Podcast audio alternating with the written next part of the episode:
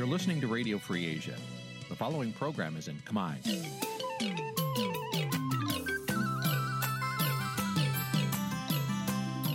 នេះជាកម្មវិធីផ្សាយ Vuthu Azizi Serai នេះជាកម្មវិធីផ្សាយរបស់ Vuthu Azizi Serai ជាភាសាខ្មែរ Vuthu Azizi Serai សូមស្វាគមន៍លោកអ្នកនាងទាំងអស់ពីរដ្ឋធានី Washington នៃសហរដ្ឋអាមេរិក។ បាទពីរដ្ឋធានីវ៉ាស៊ីនតោនខ្ញុំបាទសេកបណ្ឌិតសូមជម្រាបសួរអស់លោកនាងកញ្ញាទាំងអស់ជាទីមេត្រី បាទយើងខ្ញុំសូមជូនកម្មវិធីផ្សាយសម្រាប់រាត្រីថ្ងៃសៅរ៍1រោចខែស្រាប ឆ្នាំខាលចត្វាស័កពុទ្ធសករាជ2562ត្រូវនៅថ្ងៃទី13ខែសីហាគ្រិស្តសករាជ2022បាទជាដំបូងនេះសូមអញ្ជើញអស់លោកនាងស្ដាប់ព័ត៌មានប្រចាំថ្ងៃដែលមានមេតិការដូចតទៅ។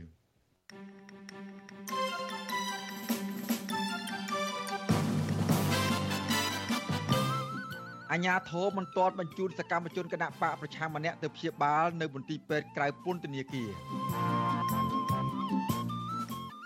អ្នកវិភាគនិងប្រជាពលរដ្ឋមួយចំនួនថាមន្ត្រីកម្ពុជាកម្ពុជាដែលបណ្ដាលឲ្យមានវិធានសកម្មប្រៃឈើនៅតំបន់ភ្នំតាម៉ៅគួរលាលែងចេញពីតំណែងកម្មកររោងចក្រស៊ុនស៊ីងថាថៅកែជួនជាតិចិនមិនទាន់បើកប្រាក់ខែពួកគាត់ជិត2ខែមកហើយ គមស៊ីវិលព្រះសង្ឃនិងក្រមយុវជនបារម្ភពីកំណើនលបែងអនឡាញចិន បង្កអសន្តិសុខដែលបង្កដល់អសន្តិសុខសង្គមរួមនឹងព័ត៌មានផ្សេងផ្សេងមួយចំនួនទៀតបាទជាបន្តទៅទៀតនេះខ្ញុំបាទសេកបណ្ឌិតសូមជូនព័ត៌មានពិស្ដាបាទលោកនាងកញ្ញាជាទីមេត្រីមេធាវីការពីក្តីឲ្យសកម្មជនគណៈបកភ្លើងទៀនលោកអៀចាណាសម្រាប់ប្តឹងទៅតុលាការកំពូលស្នើសុំអនុញ្ញាតឲ្យលោកអាចនៅក្រៅឃុំបណ្ដោះអាសន្ន បាទមន្ត្រីអង្គការសង្គមស៊ីវិលរំពឹងថាតុលាការកំពូលនឹងអនុញ្ញាតឲ្យសកម្មជនគណៈបកនយោបាយរូបនេះអាចនៅក្រៅឃុំបណ្ដោះអាសន្នប្រសិនបើលោកអៀចាណាមានលក្ខណៈសម្បត្តិគ្រប់គ្រាន់អាចនៅក្រៅឃុំបាន បាទពីរដ្ឋធានី Washington លោកយ៉ងច័ន្ទរារាយការណ៍ជុំវិញព័ត៌មាននេះអ្នកខ្លំមើលលើកឡើងថាបើការសម្រេចក្តីរបស់តុលាការកំពូលមិនស្ថិតនៅក្រោមគំនាបនយោបាយទេនោះតុលាការជាន់ខ្ពស់មួយនេះនឹងអនុញ្ញាតឲ្យលោកអៀចាណា អាចនៅក្រៅឃុំបណ្ដោះអាសន្នតាមការស្នើសុំមេធាវីការពីក្តីឲ្យលោកអៀចាណាគឺលោកជួងជូងីឲ្យវិទ្យុអាស៊ីសេរីដឹងថាលោកបានត្រៀមខ្លួនដើម្បីតតាំងក្តីនៅតុលាការដើម្បីការពារសិទ្ធិកូនក្តីរបស់លោកមេធាវីរូបនេះលើកឡើងថាលោកអេចាណាបានចូលមកក្នុងប្រទេសកម្ពុជាកាលពីចុងខែឧសភាដើម្បីអនុវត្តសិទ្ធិនយោបាយមិនមែនក្នុងបំណងបង្កអសន្តិសុខសង្គមនោះទេ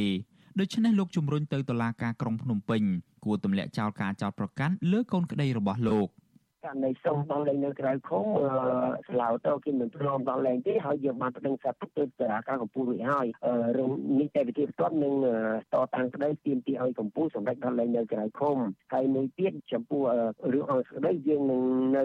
បន្តការការពិសិដ្ឋគាត់បន្តទៅទៀតនៅក្នុងដំណាក់កាលជាការសៀវសួរនឹងបាទ មេធាវីស្វាស្វែងរកយុត្តិធម៌ពីតុលាការកំពូលនេះគឺក្រោយពេលសាលាដំបងរាជធានីភ្នំពេញនិងសាលាឧទ្ធរភ្នំពេញមិនអនុញ្ញាតឲ្យលោកអៀចាណាអាចនៅក្រៅឃុំបណ្ដោះអាសន្នតាមការស្នើសុំចំណែកប្រពន្ធរបស់លោកអៀចាណាគឺលោកស្រីទូចធីតាដែលកំពុងរស់នៅប្រទេសន័រវេសឯណោះវិញលោកស្រីគ្មានជំនឿថាតុលាការកម្ពុជាអាចនឹងផ្ដល់យុត្តិធម៌ជូនប្តីរបស់លោកស្រីឡើយ។ លោកស្រីធ្លាប់បញ្ជាក់ថាលោកស្រីគ្រងពឹងពាក់មេធាវីនៅប្រទេសន័រវេដើម្បីស៊ើបអង្កេតករណីចោតប្រកាន់ប្តីលោកស្រីនិងប្តឹងទាមទារស្នើបញ្ជូនលោកអៀចាណាមកកាត់ក្តីឬជាប់ឃុំនៅប្រទេសន័រវេវិញពីព្រោះលោកមានសញ្ជាតិន័រវេវិទ្យុអាស៊ីសេរីមិនអាចសុំការអធិប្បាយរឿងនេះបន្ថែមពីប្រពន្ធរបស់លោកអៀចាណាបានទេ នៅថ្ងៃទី13ខែសីហាជុំវិញរឿងនេះនាយកប្រតិបត្តិអង្គការឃ្លាំមើលការបោះឆ្នោតនៅកម្ពុជាហៅកាត់ Thanik Fitch លោកសំគុណធីមីយល់ឃើញថាតុលាការគួរតែអនុញ្ញាតឲ្យលោកអៀចាណាអាចនៅក្រៅឃុំបណ្ដោះអាសន្នបើសកម្មជននយោបាយរូបនេះមានលក្ខខណ្ឌគ្រប់គ្រាន់លោកបន្តថាការចាប់ខ្លួនសកម្មជនគណៈបកភ្លើងទៀនរូបនេះក្នុងពេលលោកអៀចាណាកំពុងអនុវត្តសិទ្ធិនយោបាយនឹងធ្វើឲ្យមានការរិះគន់ថាការអនុវត្តវិធានការផ្លូវច្បាប់នេះគឺជាការធ្វើទុកបុកម្នេញលើសកម្មជននយោបាយវាប៉ះពាល់ដល់វិជាសាស្ត្រនៃការបោះឆ្នោតហ្នឹងណាថាហើយដាក់សម្ពាធទៅលើ កម្មជនយោបាយដែលថាមានហេតុផលថាគាត់នឹងមានមានពីពលដល់គណៈបកនេះខ្លះបាត់ណាតកតងទៅនឹងការលើកឡើងនេះអ្នកនាំពាក្យគណៈបកប្រជាជនកម្ពុជាលោកសុកអេសាន លើកឡើងថាការធ្វើសកម្មភាពរបស់លោកអៀចាណាដែលទៅចូលរួមជាមួយគណៈបកភ្លើងទៀននោះមិនខុសច្បាប់ទេ ក៏ប៉ុន្តែលោកចោទប្រកាន់ថាលោកអៀចាណាមានការជាប់ពាក់ព័ន្ធទៅនឹងមេដឹកនាំគណៈបកសង្គ្រោះជាតិនៅក្រៅប្រទេសដែលលោកហៅថាជាក្រុមឧទាមខុសច្បាប់កាលពីអំឡុងឆ្នាំ2020វាកាលឲ្យគាត់ធ្វើសកម្មភាពនោះវាយុត្តិធម៌ដល់ទៅគេចាប់ ដាក់ពន្ធនាគារទៅគាត់ថាអយុត្តិធម៌ហ្នឹងវាជារឿងធម្មតាខ្ញុំមិនវាយតម្លៃវះកាត់ថាត្រឹមត្រូវឬមិនត្រឹមត្រូវទេប៉ុន្តែខ្ញុំគ្រាន់តែជូនយោបល់ថាសមត្ថកិច្ចគេមានហេតុផលរបស់គេបានគេចាប់សាលាដំបងរាជធានីភ្នំពេញបានចោទប្រកាន់លោកអៀចាណាពីបទរួមគំនិតក្បត់ ប្រព្រឹត្តទៅនៅប្រទេសកម្ពុជា និងទីកន្លែងផ្សេងទៀតកាលពីឆ្នាំ2020និងពេលបន្តបន្ទាប់តាមមាត្រា453នៃក្រមព្រហ្មទណ្ឌការចាប់ខ្លួនលោកអៀចាណានេះគឺអំឡុងពេលសកម្មជននយោបាយរូបនេះបានចូលរួមយុទ្ធនាការរកសម្លេងឆ្នោតឲ្យគណៈបកភ្លើងទៀនកាលពីការបោះឆ្នោតឃុំសង្កាត់អាណត្តិទី5កន្លងទៅពេលចាប់ខ្លួននោះសមត្ថកិច្ចមិនបានបង្ហាញដីកានោះទេ ហើយតុលាការទើបបង្ហាញដីកាមួយថ្ងៃក្រោយការចាប់ខ្លួន គឺកាលពីថ្ងៃទី30ខែឧសភា បច្ចុប្បន្ននេះលោកអៀចាណាកំពុងជាប់ឃុំនៅគុកព្រៃសរដែលសំណុំរឿងនេះកំពុងស្ថិតនៅក្នុងដៃចក្រមស៊ើបសួរទោះជាយ៉ាងណាអ្នកខ្លំមើលចាត់ទុកថាការចាប់ឃុំខ្លួនលោកអៀចាណានេះមិនខុសពីសកម្មជននយោបាយផ្សេងទៀតនោះទេគឺជាការធ្វើទុកបុកម្នេញផ្នែកនយោបាយដែលផ្ទុយពីគោលការណ៍ច្បាប់ខ្ញុំយ៉ងច័ន្ទដារាវិទ្យុអាស៊ីសេរីរាយការណ៍ពីរដ្ឋធានី Washington បាទលោកនាងកញ្ញាជាទីមេត្រីលោកនាងកំពុងតាមដានស្ដាប់ការផ្សាយរបស់វិទ្យុអសីសេរីពីរដ្ឋធានីវ៉ាស៊ីនតោនសហរដ្ឋអាមេរិកបាទពាក់ព័ន្ធនឹងសំណុំរឿងរបស់គណៈបកសង្គ្រោះជាតិគណៈបកប្រឆាំងដែលកំពុងជាប់ពន្ធនាគារនោះដែរបាទក្រុមគ្រួសាររបស់សកម្មជនគណៈបកប្រឆាំងដែលកំពុងធ្លាក់ខ្លួនឈឺធ្ងន់នៅក្នុងពន្ធនាគារព្រៃសរស្នើយ៉ាងទទូចទៅដល់អាជ្ញាធរពាក់ព័ន្ធឲ្យប្រញាប់អនុញ្ញាតឲ្យប្តីនិងឪពុករបស់ពួកគាត់បានទៅសម្រាប់ព្យាបាលជំងឺឲ្យបានឆាប់ ពីព្រោះស្ថានភាពជំងឺពួកគាត់វិវត្តគួរឲ្យព្រួយបារម្ភខ្លាំងបាទមន្ត្រីសង្គមស៊ីវិលជាន់ខ្ពស់បាទមន្ត្រីបាទមន្ត្រីជាន់ខ្ពស់នៃពន្ធនាគារអះអាងថាអាជ្ញាធរនឹងបញ្ជូនសកម្មជនទាំងនោះទៅព្យាបាលជំងឺនៅមន្ទីរពេទ្យជំនាញខាងក្រៅនៅពេលខាងមុខនេះហើយបាទពីរដ្ឋធានីវ៉ាស៊ីនតោនអ្នកស្រីម៉ៅសុធីនីរាយការណ៍ជុំវិញព័ត៌មាននេះ ប្រពន្ធនិងកូនរបស់សកម្មជនគណៈបកសង្គ្រោះជាតិដែលកំពុងជាប់ពន្ធនាគារមួយចំនួនលើកឡើង ថាស្ថានភាពសុខភាពសមាជិកគ្រួសាររបស់ពួកគាត់ កំពុងគំរាមកំហែងនិងវិវត្តគួរឲ្យព្រួយបារម្ភពីមួយថ្ងៃទៅមួយថ្ងៃបើសិនជាអាជ្ញាធរយឺតយ៉ាវក្នុងការយកទៅព្យាបាលពីគ្រូពេទ្យឲ្យបានត្រឹមត្រូវនោះទេ កូនស្រីមន្ត្រីគណៈបកសង្គ្រោះជាតិខេត្តត្បូងឃ្មុំ ដែលកំពុងជាប់ពន្ធនាគារប្រៃសណជិត2ឆ្នាំលោកគង់សំអាន គឺកញ្ញាគង់មួយលី ប្រាប់វត្ថុអសីស្រី នៅថ្ងៃទី13ខែសីហា ថារហូតមកដល់ពេលនេះរដ្ឋមន្ត្រីក្រសួងមហាផ្ទៃមិនទាន់ឆ្លើយតបទៅនឹងសំណើសុំអន្តរាគមបញ្ជូនឪពុក ទៅពិនិត្យព្យាបាលជំងឺនៅមន្ទីរពេទ្យខាងក្រៅនៅឡើយទេ ហើយចំណែកអាជ្ញាធរពន្ធនាគារវិញ បានត្រឹមតែប្រាប់ឪពុករបស់កញ្ញារងចាំជាបន្តទៀតកូនស្រីមន្ត្រីគណៈបកប្រឆាំងរូបនេះរៀបរាប់ថាក្រុមគូសានៅខាងក្រៅកំពុងព្រួយបារម្ភពីឪពុកជាខ្លាំងដែលមានអាយុ70ឆ្នាំ និងធ្លាក់ខ្លួនឈឺដោយពុំមានការយកចិត្តទុកដាក់ថែទាំព្យាបាលជាពិសេសកញ្ញាភ័យខ្លាចស្ថានភាពជំងឺរបស់ឪពុក វិវត្តកាន់តែធ្ងន់ធ្ងររហូតដល់ប៉ះពាល់អាយុជីវិត គាត់ថាគាត់ស្គមនិយាយអីចង់ភ្លេចភ្លាំងភ្លេចភ្លាំងដូចបាញ់អត់ចងចាំទៀតពេលអញ្ចឹងខ្ញុំព្រួយបារម្ភខ្លាំងមែនតែនខ្លាចនឹងបាត់បង់ជីវិតអីចឹងអាណិតគាត់ណាការនាងខ្ញុំសូមឲ្យខាងពន្ធនាគារពន្លឿនរឿងហ្នឹងឲ្យឆាប់ឆាប់ទៅដើម្បីឲ្យគាត់ទៅព្យាបាលជំងឺផ្សេងផ្សេងនិងជំងឺថ្មិញ ជាមួយគ្នានេះប្រពន្ធសកម្មជនគណបកសង្គ្រោះជាតិដែលកំពុងធ្លាក់ខ្លួនឈឺធ្ងន់នៅពន្ធនាគារម្នាក់ទៀតលោកយឹមសារ៉េត គឺលោកស្រីអុកចន្ទធីរៀបរាប់ថាប្តីរបស់លោកស្រី បានជួបបញ្ហាជំងឺភ្នែកជាង1ឆ្នាំមកហើយហើយបច្ចុប្បន្នអាការៈភ្នែករបស់គាត់ផ្នែកខាងស្ដាំឈឺចុកចាប់ហូរទឹកភ្នែកបណ្ដាលឲ្យមើលលែងឃើញដែលធ្វើឲ្យគាត់រងទុក្ខលំបាកនៅក្នុងបន្ទប់ឃុំឃាំងចង្អៀតណែន លោកស្រីស្នើយ៉ាងទទូចដល់អាជ្ញាធរពាក់ព័ន្ធអនុញ្ញាតឲ្យប្តីបានចេញទៅពិនិត្យនិងព្យាបាលនៅមន្ទីរពេទ្យឯកទេសភ្នែកនៅខាងក្រៅឲ្យទាន់ពេលវេលា ដើម្បីកុំឲ្យប៉ះពាល់ដល់ជំងឺភ្នែកកាន់តែធ្ងន់ធ្ងរក្រុមគ្រួសារពួកខ្ញុំជាដើមហ្នឹងសូមឲ្យគាត់មានការយកចិត្តទុកដាក់ទៅហើយសូមឲ្យយកគាត់មកពិនិត្យខាងក្រៅទៅព្រោះអីនៅខាងក្នុងនោះដូចដឹងស្រាប់ហើយគឺអត់មានជំនាញពេទ្យជំនាញឯណាដែលអាចទទួលពិនិត្យគាត់ថាដឹងរោគវិនិច្ឆ័យរូប គាត់នឹងថាត្រូវទទួលការវះកាត់ឬគាត់ត្រូវព្យាបាលយ៉ាងម៉េចគឺអត់មានទេក្រៅទៅពីលោកកុងសំអាននិងលោកយឹមសារ៉េតក្នុងនោះក៏មានសកម្មជនបពប្រឆាំងមួយចំនួនទៀតកំពុងធ្លាក់ខ្លួនឈឺនិងជួបបញ្ហាសុខភាពរ៉ាំរ៉ៃប្រចាំកាយដោយសារតែស្ថានភាពបន្ទប់ឃុំឃាំងទូចង្អៀតខ្វះអនាម័យបរិយាកាសអាប់អួរអាហារហូបចុកមិនគ្រប់គ្រាន់ដែលធ្វើឲ្យពួកគេងាយប្រឈមនឹងជំងឺផ្សេងផ្សេងៗ ឆ្លើយតបរឿងនេះអ្នកនាំពាក្យអគ្គនាយកដ្ឋានពន្ធនាគារនៃក្រសួងមហាផ្ទៃលោកនុតសាវណ្ណាប្រាប់បច្ចុប្បន្នស៊ីស្រីថាបរិយាញ្ញាបានអនុញ្ញាតឲ្យលោកគង់សំអាន បានចេញទៅព្យាបាលជំងឺភ្នែកនៅខាងក្រៅពន្ធនាគារហើយលោកបន្តថាមន្ត្រីពន្ធនាគារនឹងបញ្ជូនគាត់ទៅព្យាបាលនៅមន្ទីរពេទ្យផ្នែកធ្មេញដែលជាដៃគូសហការជាមួយពន្ធនាគារនៅថ្ងៃច័ន្ទទី15ខែសីហាខាងមុខ ចំណែកឯសកម្មជនគណៈបពប្រឆាំងដែលកំពុងជាប់ឃុំម្នាក់ទៀតគឺលោកយឹមសរ៉េតវិញលោកក៏បានអះអាងថាលទ្ធផលតេស្តពីមន្ទីរពិសោធន៍បង្ហាញថាគាត់ពុំមានបញ្ហាសុខភាពធ្ងន់ធ្ងរនោះឡើយប៉ុន្តែមន្ត្រីរបស់លោកនឹងបញ្ជូនគាត់ទៅព្យាបាលបញ្ហាស្រវាំងភ្នែកនៅមន្ទីរពេទ្យជំនាញដោយមិនបណ្ដោយឲ្យជនជាប់ឃុំណាម្នាក់មានបញ្ហាសុខភាពធ្ងន់ធ្ងរនោះឡើយបាននិយាយជាមួយសៀនមណ្ឌលហើយគាត់យកចិត្តទុកដាក់ណាជាមួយ ជនជាប់ឃុំទូទៅរឿងសុខភាពហ្នឹងគាត់មិនទុកទេហើយគាត់បានធ្វើដំណើរអីត្រឹមត្រូវអស់ហើយណាទោះយ៉ាងណាកន្លងមកសកម្មជនប្រជាពលរដ្ឋនិងអង្គការផ្នែកសិទ្ធិមនុស្សមួយចំនួនធ្លាប់បានរិះគន់អាជ្ញាធររបបក្រុងភ្នំពេញជំវិញការអនុវត្តស្តង់ដារ2ចំពោះអ្នកជាប់ឃុំដែលក្រីក្រនិងអ្នកមានលុយមានអំណាច អ្នកជាប់ឃុំក្រីក្រនិងអ្នកទោសម្នាក់សកម្មមិនងាយទទួលបានការអនុញ្ញាតឲ្យទៅសម្រាប់ព្យាបាលនៅមន្ទីរពេទ្យខាងក្រៅឡើយបើទោះបីជាពួកគាត់មានជំងឺធ្ងន់ធ្ងរឬក៏ស្នើសុំច្រើនដងបែបណាក្តី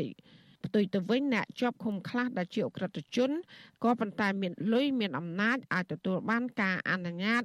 ឲ្យសម្រាប់ព្យាបាលរយៈពេលវែងនៅមន្ទីរពេទ្យខាងក្រៅពន្ធនាគារ អ្នកនាំពាក្យសមាគមការពារសិទ្ធិមនុស្សអាត6លោកសឹងសានការណា មានប្រសាសន៍ថាបើទោះបីជាសកម្មជនទាំងនោះបាត់បង់សេរីភាពក៏ដោយក៏ប៉ុន្តែបញ្ហាសុខភាពរបស់ពួកគេ គឺជារឿងសំខាន់ដែលអាជ្ញាធរពន្ធនាគារត្រូវយកចិត្តទុកដាក់និងផ្ដល់ការពិនិត្យព្យាបាលជំងឺជាបន្ទាន់ដើម្បីកុំឲ្យប៉ះពាល់ដល់សុខភាពរហូតគ្រោះថ្នាក់ដល់អាយុជីវិត។ លោកសង្សានករណាយល់ឃើញថាបើសិនជាអាញាធរខ្វះការយកចិត្តទុកដាក់ឬក៏គ្រឹះអើងចំពោះសកម្មជនទាំងនោះអាចជាផ្នែកមួយដើម្បីបំបាក់ស្មារតីនយោបាយរបស់ពួកគាត់។ ចំណុចទាំងអស់នេះមន្ត្រីដែលមានសមត្ថកិច្ចទទួលខុសត្រូវទៅលើបញ្ហាសុខភាពរបស់អ្នកជាប់ពន្ធនាគារហ្នឹងគួរតែមានការដុតដៃដុតជើងយកចិត្តទុកដាក់ក្នុងការជួយពន្លឿនដើម្បីឲ្យពួកគាត់មានឱកាសក្នុងការព្យាបាលឲ្យបានទាន់ពេលវេលា មកដល់ពេលនេះមានសកម្មជនគណបកប្រឆាំងជាង60នាក់ទៀតកំពុងជាប់ឃុំក្នុងពន្ធនាគារដោយសារតែការអនុវត្តសិទ្ធិនយោបាយរបស់ពួកគាត់ពួកគាត់ភ័យច្រើនត្រូវបានអាជ្ញាធរចាប់ខ្លួនជាបន្តបន្ទាប់កាលពីដើមឆ្នាំ2020តឡាកាក៏បានចាប់ប្រកាន់ពួកគេដោយដូចគ្នា ពីបទរួមកំណត់ក្បត់ញុះញង់ឲ្យយោធិនមិនស្ដាប់បង្គាប់ និងញុះញង់ឲ្យប្រព្រឹត្តបទអក្រិតជាអាត ថ្មីថ្មីនេះតឡាកាក៏បានផ្តន្ទាទោសពួកគេមួយចំនួនជាបន្តបន្ទាប់ឲ្យជាប់ពន្ធនាគារចន្លោះពី5ឆ្នាំទៅ7ឆ្នាំប៉ុន្តែសកម្មជននយោបាយខ្លះតម្រូវឲ្យអនុវត្តទោស3ឆ្នាំ8ខែដោយទោសនៅសល់ត្រូវព្យួរហើយដែលសហគមន៍ជាតិនិងអន្តរជាតិចាត់ទុកថាការចាប់ខ្លួនទាំងនោះ គឺជារឿងនយោបាយដែលគ្មានមូលដ្ឋានច្បាប់ច្បាស់លាស់ចាននាងខ្ញុំម៉ៅសុធានីវិទ្យុអសីសេរីប្រធានាធិបតី Washington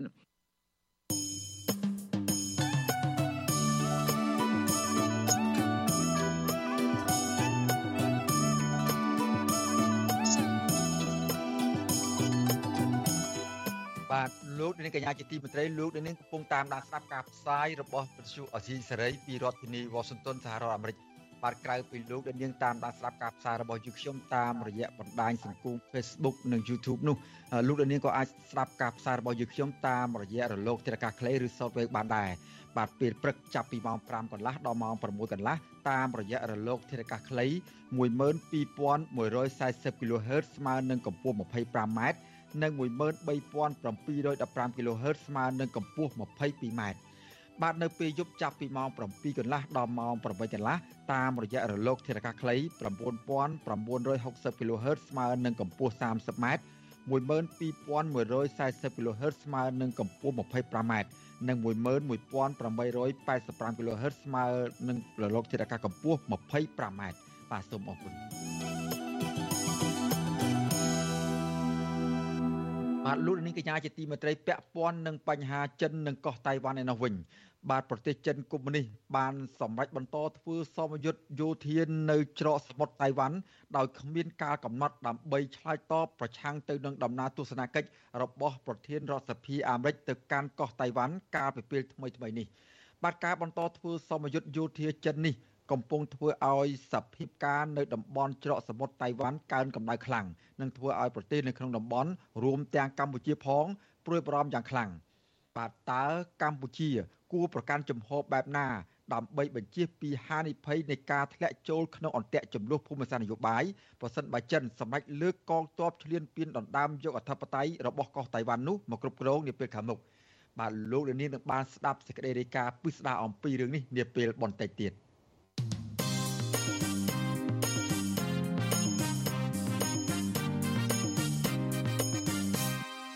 បាទពាក់ព័ន្ធនឹងលបែងស៊ីសងតាមបណ្ដាញអនឡាញបាទជាច្រើនប្រភេទបានកំពុងកើតមានវត្តមានបានកំពុងមានវត្តមាននិងបង្ហាញខ្លួនលើបណ្ដាញសង្គមយ៉ាងអនាធិបតេយ្យដែលបានបង្កការព្រួយបារម្ភដល់មន្ត្រីអង្គការសង្គមស៊ីវិលព្រះសង្ឃនិងក្រមយុវជន ដែលថាអាចបង្កជាអសន្តិសុខដល់សង្គមនិងសេចក្តីវិនិច្ឆ័យដល់ប្រជាពលរដ្ឋបាទពួកគាត់ស្នើសុំឲ្យរដ្ឋាភិបាលទប់ស្កាត់លបែងប្រភេទនេះកុំឲ្យរីករាលដាល ចូលទៅក្នុងប្រទេសតទៅទៀតបាទពីរដ្ឋធានីវ៉ាស៊ីនតោនលោកជាតិចំណានរាយការណ៍ជុំវិញព័ត៌មាននេះលបែងស៊ីសងជាច្រើនប្រភេទនៅលើអ៊ីនធឺណិតនិងបណ្ដាញសង្គមត្រូវបានមហាជនភៀសច្រើនថាមានប្រភពមកពីក្រុមហ៊ុនចិនកំពុងរីករាលដាលនៅក្នុងប្រទេសកម្ពុជាគណៈប្រជាជនមួយចំនួនកំពុងលងខ្លួនខាត់បងប្រកាសនិងពេលវេលាជាមួយលបែងអនឡាញប្រភេទនេះព្រះសង្ឃគង់នៅខេត្តបន្ទាយមានជ័យព្រះនាមទួនសុគន្ធមានតរដីកាប្រាប់វិសុអេស៊ីស្រីនៅថ្ងៃទី13ខែសីហាថា ព្រះអង្គសង្កេតឃើញលបែងជាច្រើនប្រភេទកំពុងដំណើរការយ៉ាងសកម្មនៅលើបណ្ដាញសង្គម Facebook ខណៈមានប្រជាពលរដ្ឋមួយចំនួនកំពុងញៀនជាមួយវាប្រជាជនចាត់ទុកថាទោះបីជាលបែងនេះត្រូវបានគេលេងនៅលើប្រព័ន្ធអ៊ីនធឺណិតក៏ពិតមែនប៉ុន្តែវាក៏អាចបង្កការវិនិច្ឆ័យហិនហោចទ្រព្យសម្បត្តិដោយលបែងស៊ីសងធម្មតាដែរព្រះអង្គបន្តថាជីវកម្មលបែងរបស់ចិនមួយនេះកំពុងបង្កភាពអសន្តិសុខធ្ងន់ធ្ងរក្នុងសង្គមបង្កឲ្យមានចារកម្មកើតឡើង ការកេងប្រវ័ញ្ចគ្នានិងការធ្វើឲ្យសង្គមខ្មែរអន់ថយគ្មានការរីកចម្រើនព្រះអង្គអំពាវនាវឲ្យប្រជាពលរដ្ឋខ្មែរបញ្ឈប់ការលេងល្បែងគ្រប់ប្រភេទជាពិសេសល្បែងអនឡាញប្រភេទនេះព្រះពុទ្ធក៏ព្រះអង្គបានសម្ដែងដែរតកតងទៅនឹងល្បែងហ្នឹងគឺមានទោសច្រើនយ៉ាងណាទោសនៃការលេងល្បែងឃើញតែប្រទេសរតីជាអ្នកបង្កើតនៅក្នុងទឹកដីរបស់យើងហើយប្រមូលនៅធនធានទ្រព្យសម្បត្តិរបស់យើងទាំងអស់នេះហើយជញ្ជូនទៅប្រទេសរបស់គេវិញដូច្នេះហើយគេមកក្រេបជញ្ជក់ញើសឈាមរបស់ប្រជាពលរដ្ឋយើងហើយគេបំសល់នៅបំណុលដ៏ច្រើនសម្រាប់ប្រជាពលរដ្ឋយើងនេះគឺជាល្បែងស្រដៀងគ្នានេះដែរ យុវជនម្នាក់រស់នៅខេត្តសៀមរាបលោកឆៃតាំងឆែមមើលឃើញថាល្បែងប្រភេទនេះត្រូវបានគ្រប់គ្រងដោយជនជាតិចិន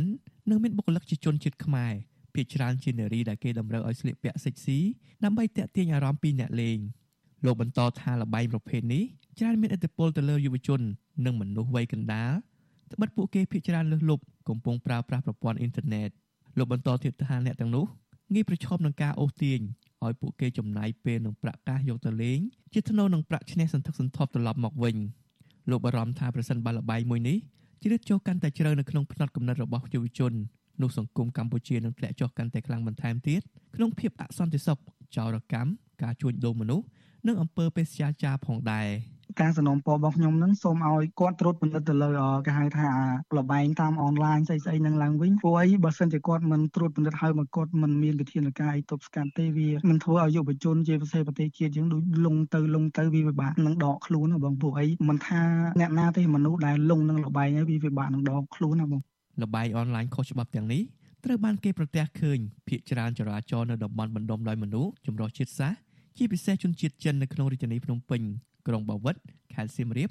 និងក្រុងប្រសេអនុតាក់ទងនឹងបញ្ហានេះវិសុអេស៊ីសេរីនៅពុំទាន់អាចតាក់ទងប្រធាននាយកដ្ឋានប្រឆាំងបទល្មើសបច្ចេកវិទ្យាលោកជាពៅនិងអ្នកនាំពាក្យអគ្គស្នងការដ្ឋាននគរបាលជាតិលោកឆៃកំខឿនដើម្បីសុំការបកស្រាយជុំវិញករណីនេះបាននៅឡើយទេ នៅថ្ងៃទី13ខែសីហាកាលពីខែធ្នូឆ្នាំ2019រដ្ឋាភិបាល បានបិទអាជីវកម្មលបែងតាមអនឡាញម្ដងរួចមកហើយគឺបន្ទាប់ពីសង្កេតឃើញមានសកម្មភាពលបែងភ្នាល់តាមម៉ាស៊ីនអេឡិចត្រូនិកអ៊ីនធឺណិតដែលស្ថិតនៅក្នុងនិងក្រៅប្រទេសមួយចំនួនមិនគោរពតាមគោលការណ៍របស់រាជរដ្ឋាភិបាលនិងមួយចំនួនទៀតបានលួចលាក់ធ្វើសកម្មភាពតាមទីតាំងផ្សេងៗគ្នាហើយពួកអក្រិតជនជនជាតិចិនមួយចំនួនបានច្រកក្រោមរូបភាពលបែងប្រភេទនេះដើម្បីធ្វើសកម្មភាពបោកប្រាស់ចម្រិតទារប្រាក់ពីជនរងគ្រោះទាំងក្នុងនិងក្រៅប្រទេស ដែលធ្វើឲ្យប៉ះពាល់ដល់សន្តិសុខសន្តិភាពសាធារណៈនៅក្នុងសង្គមជុំវិញរឿងនេះប្រធានសមាគមប្រជាធិបតេយ្យឯករាជ្យនៃសេដ្ឋកិច្ចក្រៅប្រព័ន្ធលោកវ៉ាន់ពៅព្រួយបារម្ភចំពោះសកម្មភាពលបែងស៊ីសងដែលកំពុងធ្វើប្រតិបត្តិការយ៉ាងសកម្មក្នុងប្រទេសកម្ពុជាលោកមើលឃើញថាលបែងនេះជាអត្តពលទៅលើអ្នកដែលប្រកបរបរសេដ្ឋកិច្ចក្រៅប្រព័ន្ធខណៈអ្នកទាំងនោះងាយរងគ្រោះទៅតាមការបញ្ចុះបញ្ចូលរបស់ជនខិលខូចលោកបន្តថាលបែងស៊ីសងគ្រប់ប្រភេទនឹងបង្កហានិភ័យដល់សង្គមធ្ងន់ធ្ងរ ក្រោមរូបភាពអំពើចារកម្មអសន្តិសុខនិងការធ្លាក់ចុះនៃសេដ្ឋកិច្ចផងដែរចំណុចសំខាន់គឺខ្មែរយើងគឺมันអនុញ្ញាតឲ្យលេងគេហៅថាលបែងពាលាបែបនេះទេអានេះគឺចូលពាលាអាហាពាថាលបែងណាអញ្ចឹងអានេះហើយដែលធ្វើឲ្យពលរដ្ឋមួយចំនួនចេះតែផ្សងព្រេងផ្សងសំណាងទៅតាមអាលបែងអនឡាញនេះប្រាប់ពលរដ្ឋទាំងអ្នកក្រទាំងអ្នកមានជាពិសេសអ្នកក្រីក្រអ្នកប្រកបមុខរបរតូចតាចខ្លះគាត់រវល់តែលេងលបែងនេះទៀតអាប្រាក់ចំណូលទៀតវារឹតតែធ្ងន់ធ្ងរនៅអំឡុងឆ្នាំ2015ដល់ឆ្នាំ2019 ទីក្រុងប្រសេអនុបានក្លាយជាកន្លែងអាជីវកម្មលបែងស៊ីសង កាស៊ីណូនិងលបែងអនឡាញរីករាលដាលដោយផ្សិតនៅខែមករាឆ្នាំ2022នាយកតកទូរគមនាគមន៍កម្ពុជា បានបិទគេហទំព័រឬ website ចំនួន123ដែលកំពុងប្រតិបត្តិការលបែងស៊ីសងនិងឆ្នោតខុសច្បាប់នៅកម្ពុជាបន្ថែមពីគេហទំព័រចំនួន79ទៀតដែលបានបិទកាលពីខែវិច្ឆិកាឆ្នាំ2021ទោះបីជាមានការបង្ក្រាបនិងបិទលបែងស៊ីសងអនឡាញបែបនេះក្តី ក៏គេនៅតែមានឃើញការផ្សព្វផ្សាយអូទាញប្រជាជនខ្មែរជាពិសេសយុវជននៅលើបណ្ដាញសង្គមឲ្យលងខ្លួនចូលក្នុងលបែងខុសច្បាប់មួយនេះតាមការចុះផ្សាយរបស់សារព័ត៌មានអាហ្សាស៊ីរ៉ាដែលបានធ្វើការស៊ើបអង្កេតទៅលើរឿងនេះចេញផ្សាយកាលពីថ្ងៃទី14ខែកក្កដាក្រុមចំណងជើងថា Force to Scam Cambodia Cyber Slaves ឬទាសករតាមអ៊ីនធឺណិតនៅកម្ពុជាបង្ហាញថាក្រុងប្រសេអនុមិនត្រឹមតែជាកន្លែងល្បីថាមានលបាយអនឡាញយ៉ាងសកម្មប៉ុណ្ណោះទេតែវាបានក្លាយជាកន្លែងឃុំឃាំងមនុស្ស សម្រាប់ធ្វើទាសករប្រតិបត្តិការបោកប្រាស់តាមអ៊ីនធឺណិតផងដែរអ្នកដែលជាប់ឃុំឃាំងភាគច្រើនជាបុរសនិងស្ត្រីវ័យក្មេងដែលត្រូវបានក្រុមហ៊ុនចិនធ្វើទរណកម្មទៅលើពួកគេនិងបង្ខំឲ្យធ្វើជាទាសករបោកប្រាស់តាមប្រព័ន្ធអ៊ីនធឺណិតសារព័ត៌មានអន្តរជាតិមួយនេះក៏បង្ហាញថាក្រុមហ៊ុនចិនបោកប្រាស់ទាំងនោះក៏មានបណ្ដាញពាក់ព័ន្ធជាមួយមន្ត្រីធំៗក្នុងជួររដ្ឋាភិបាលកម្ពុជាជាពិសេសអ្នកដែលស្និទ្ធជាមួយនឹងលោកហ៊ុនសែនខ្ញុំបាទជាចំណាន Visual ស៊ីស្រីពីរដ្ឋធានី Washington បាទលោកដានាងកញ្ញាជាទីមេត្រីពាក់ព័ន្ធនឹងការវិនិយោគរបស់ជនជាតិចិននៅខេត្តប្រសេនុពាក់ព័ន្ធនឹងលបែងអនឡាញនេះដែរបាទក្រោយពីការចាក់ចេញរបស់អ្នកវិនិយោគទុនចិនព្រោះតែការបិទលបែងអនឡាញនិងវិបត្តិជំងឺ Covid-19 អស់រយៈពេលជាង2ឆ្នាំកន្លងមកនេះបានបន្សល់នៅសំណង់តូចធំ និងមិនទាន់សាងសង់រួចនៅឡើយឬហៅថាអាគារខ្មោចជាច្រើនកន្លែង នៅរាយប៉ាយពេញក្រុងប្រសេនុបាទអាគារខ្មោចទាំងនោះ មិនត្រឹមតែបណ្ដាលធ្វើឲ្យខូចខាតសភនភាពទីក្រុងប៉ុណ្ណោះទេគឺថែមទាំងធ្វើឲ្យសេដ្ឋកិច្ចធ្លាក់ចុះនិងបាត់បង់ភ្ញៀវទេសចរកាន់តែច្រើនបាទសូមទស្សនាសេចក្តីរាយការណ៍របស់អ្នកស្រីសុជីវីជុំវិញរឿងនេះដូចតទៅ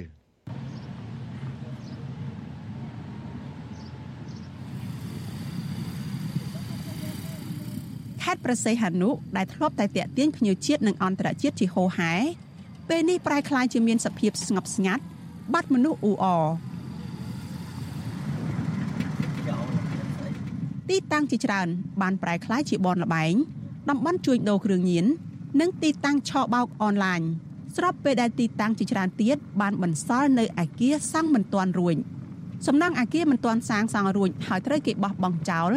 ឬអាគារខ្មោចទាំងនោះបង្កើនក្តីកង្វល់កាន់តែខ្លាំងក្នុងចំណោមប្រជាពលរដ្ឋដែលកំពុងបាត់បង់ប្រាក់ចំណូល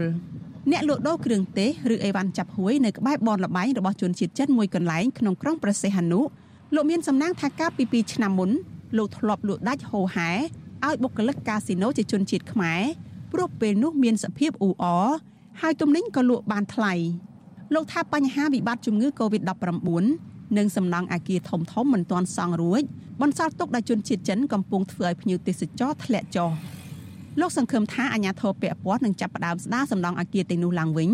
និងបើកឲ្យមានលំហវិនិយោគរបស់ជនបរទេសឲ្យបានច្រើនដោយកាលពីឆ្នាំ2019និងឆ្នាំ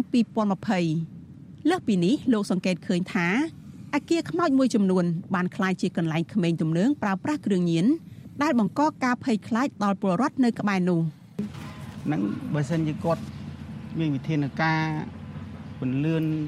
សំណង់ធំធំនឹងបានធ្វើហើយរួចរាល់ច្រើនហ្នឹងវាល្អសម្រាប់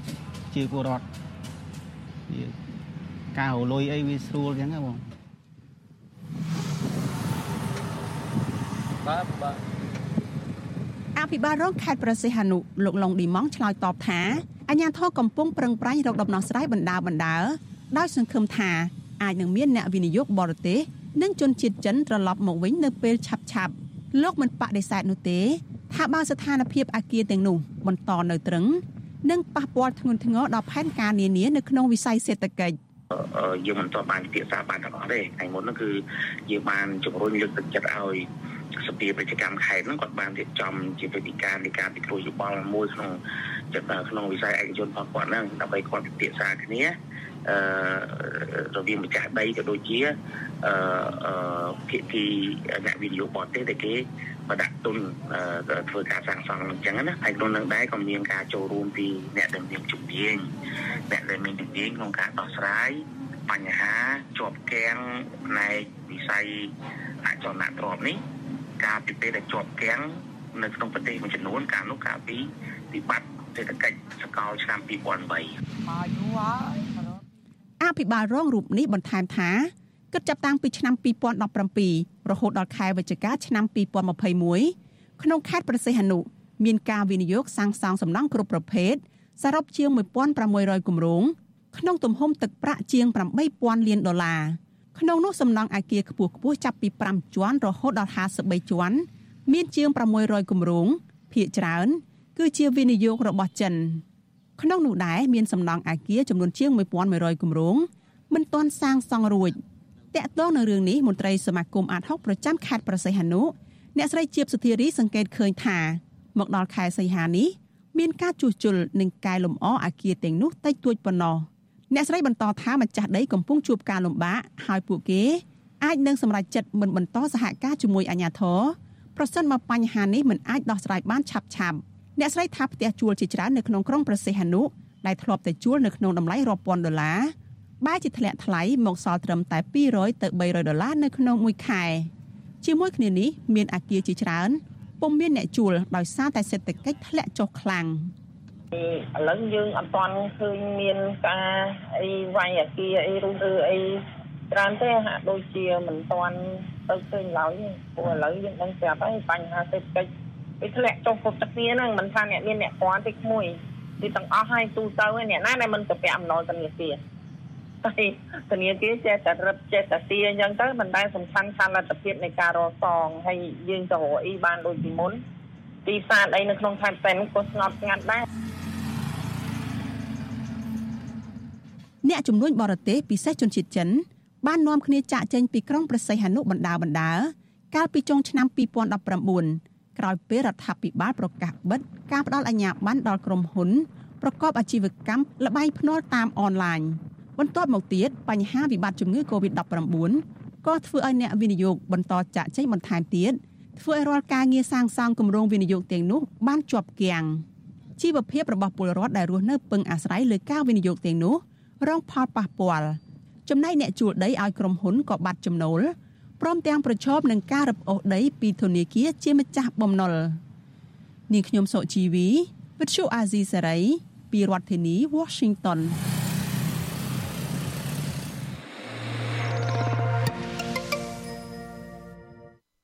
បាទលោកនាងកញ្ញាជាទីមេត្រីឥឡូវនេះយើងទៅមើលបញ្ហាចំនួនដីធ្លីនៅខេត្តជាប់មាត់សមុទ្រដូចគ្នានេះដែរគឺនៅខេត្តកោះកុងឯនោះវិញ បាទតំណាងប្រជាពលរដ្ឋដែលមានចំនួនដីធ្លីនៅខេត្តកោះកុងជិត200គ្រួសារស្នើសុំឲ្យស្លាធរខេត្តប្រសេនុលុបចោលសាលក្រមតុលាការខេត្តកោះកុងដែលបានសម្រេចទោសឲ្យអ្នកស្រីដេតហួរជាប់ពន្ធនាគាររយៈពេល1ឆ្នាំ និងពិន័យជាប្រាក់2លានរៀលតាមបណ្ដឹងរបស់អង្គការហេងហ៊ុយបាទការស្នើសុំនេះបន្ទាប់ពីតំណាងប្រជាពលរដ្ឋរូបនេះដាក់បណ្ដឹងទៅសាលាធរព្រះសេនុកាលពីថ្ងៃទី11ខែសីហា លោកស្រីអះអាងថាការប្រកាសរបស់តុលាការខេត្តកោះកុងគឺមិនត្រឹមត្រូវនិងមិនយុត្តិធម៌សម្រាប់លោកស្រីទេព្រោះលោកស្រីជាជនរងគ្រោះបាត់បង់ដីធ្លី គួរតែទទួលបានយុត្តិធម៌ពីតុលាការ បាទពីរដ្ឋបាទលោកថាថៃរាយការណ៍ជុំវិញព័ត៌មាននេះតំណាងពលរដ្ឋទាំង197គ្រួសារនៅឃុំជីខលឺស្រុកស្រែអំបិលខេត្តកោះកុងលោកស្រីដេតហួរ លើកឡើងថាលោកស្រីឈឺចាប់ដែលត្រូវរងភាពអយុត្តិធម៌ដោយសារអុកញ៉ាហេងហុយរឹបអូសដីធ្លីហើយប្តឹងលោកស្រីបន្ថែមទៀតហើយតុលាការខេត្តកោះកុងបានផ្តន្ទាទោសលោកស្រីឲ្យជាប់ពន្ធនាគារមួយឆ្នាំនិងពិន័យប្រាក់ចំនួន2លានរៀលក្រុមបទចោតបរិហាបង្កាច់គេនិងបរិហាគេជាសាធារណៈលោកស្រីសង្ឃឹមថាតុលាការជាន់ខ្ពស់នឹងសម្រេចឲ្យលោកស្រីរួចផុតពីការចោតប្រកាន់ឡើងវិញ លោកស្រីដេតហូប្រាប់វិទ្យុអាស៊ីសេរីនៅរសៀលថ្ងៃទី13សីហាថាមេធាវីរបស់លោកស្រីគឺលោកគង់ចម្រើនបានដាក់បណ្ដឹងឧទ្ធរប្រឆាំងនឹងសេចក្តីសម្រេចរបស់តុលាការខេត្តកោះកុងរួចហើយកាលពីថ្ងៃទី11ខែសីហាដោយសារការវិនិច្ឆ័យទោសទាំងអយុត្តិធម៌និងមិនបានផ្ដោតលើអង្គហេតុឲ្យបានត្រឹមត្រូវលោកស្រីបន្តថាករណីដែលតុលាការខេត្តកោះកុងបានចោទលោកស្រីពាក់ព័ន្ធនឹងការបរិហាគេលោកហេងហ៊ុយជាសាធារណៈនោះគឺជារឿងមិនពិត ព្រោះលោកស្រីបាននិយាយកន្លងមកសុទ្ធតែជាការពិតបិទលោកហេងហ៊ុយបានរឹបអូសដីធ្លីប្រជាពលរដ្ឋនៅស្រុកស្រែអំបិលពិតមែន លោកស្រីសង្ឃឹមថាសាលាឧទ្ធរខេត្តព្រះសីហនុនឹងអាចផ្ដល់យុត្តិធម៌និងភាពស្អាតស្អំដល់លោកស្រីវិញសង្ឃឹមថាសាលាការគាត់ផ្ដល់យុត្តិធម៌ដល់ខ្ញុំព្រោះខ្ញុំជាអ្នកម្ចាស់ដីពិតប្រកបមែនអត់ដែលមានប្រជាពលរដ្ឋថ្ងៃតមលោកអត់មានប្រជាពលរដ្ឋអ្នកក្រីក្រតមលោកសិតអុកញ៉ាបានទេមានតែអុកញ៉ាឬមន្ត្រីរាជការដូចជាលោកខេងហ៊ុយអញ្ចឹងបានលោកសិតប្រជាពលរដ្ឋបានចំណែកប្រជាពលរដ្ឋយើងអ្នកអត់មានសិតអត់មានអំណាចអញ្ចឹងគឺអត់អាចទំលោកដីអ្នកមានអំណាចបានទេអញ្ចឹងខ្ញុំសង្ឃឹមថាតុលាការនឹងផ្ដល់ភាពយុត្តិធម៌ដល់ខ្ញុំនៃ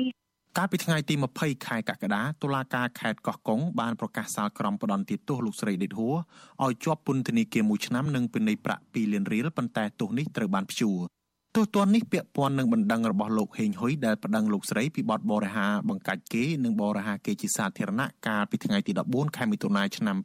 2022 ពលរដ្ឋរងគ្រោះរូបនេះពោលទាំងឈឺចិត្តថាតាំងតែពីលោកហេងហ៊ុយរំលោភយកដីធ្លីអស់មកប្តីរបស់លោកស្រីបានធ្លាក់ខ្លួនឈឺមិនអាចធ្វើការងារអ្វីបានឡើយហើយគ្រូសាលោកស្រីបានធ្លាក់ខ្លួនក្រីក្រនិងគ្មានដីបង្កបង្កើនផលជំវិញបញ្ហានេះប្រធានសមាគមសម្ព័ន្ធនិស្សិតបញ្ញវន្តខ្មែរលោកកើតសារាយលើកឡើងថារដ្ឋាភិបាលគួរតែយកចិត្តទុកដាក់ឲ្យបានខ្លាំងចំពោះការដោះស្រាយវិវាទដីធ្លីឲ្យប្រជាពលរដ្ឋ នៅពេលដែលពលរដ្ឋបានដាក់ពាក្យបណ្ដឹងលើអ្នកដែលរឹបអូសយកដីធ្លីរបស់ពួកគាត់ដើម្បីកុំឲ្យពួកគាត់រងភាពអយុត្តិធម៌